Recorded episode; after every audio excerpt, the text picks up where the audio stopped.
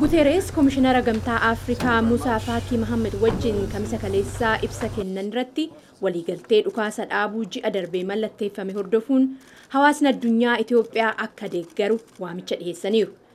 Ministeerri maallaqaa itiyoophiyaa wal dhibdee waggoota lamaa keessatti miidhaa bu'uraalee misoomaa irra gahee deebisanii ijaaruudhaaf doolaarii biliyoona 20 akka barbaachisu ibse garuu yaaddoo dhiitta mirga namoomaatiin wal qabatee ameerikaadhaa fi gamtaa awurooppaa dabalatee arjoomtonni deeggarsaa gumaacha addaan cite ammallee deebisanii hin jalqabne.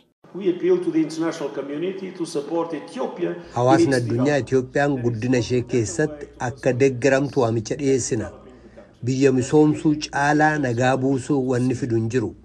Uummanni bu'aa nagaa akka argu, uummanni haala jireenya lammiilee biyyattii fooyyessuudhaaf nageenya akkamitti gumaacha akka qabu akka argu gochuu caalaa nagaa cimsuudhaaf karaan gaariin hin jiru.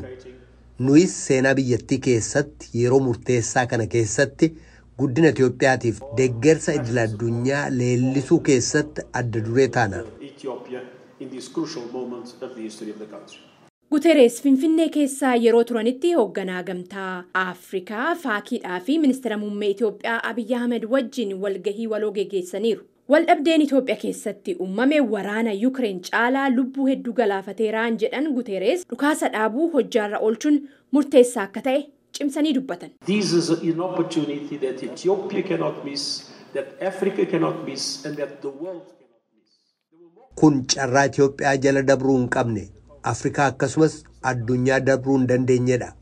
Walitti bu'iinsa Itiyoophiyaa keessatti uumameen wal dhabdee Yukireen keessatti mudate caalaa lubbuun namaa dabre.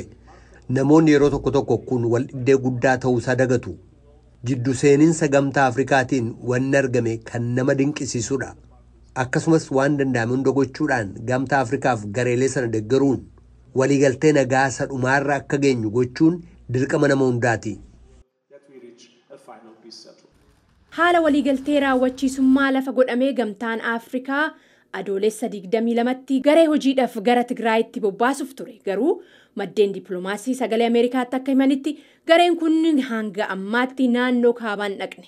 Humnoonni tigraay karaa isaaniitiin humnoonni eertiraatii fi kanneen biroo kan federaalaan taane tigraay keessaa bahanii humnoonni waraana isaanii hidhannoo hiikkachuuf walii galaniiru. Garuu dippiloomaatonni ammas loltoonni eertiraa akka tigraay keessa jiran dubbatu. Karaa biraatiin qarqaarsi naannicha bira gahuu eegaleeraa uummanni miliyoona shan tuqaa afur tigraay keessatti deeggarsa namoomaa barbaada. Meeshaa waraanaa hiikkachiisuun dhukaasa dhaabuu adoolessa lama waliigaltee irra gahame guyyoota soddoma keessatti xumuramuuf ture.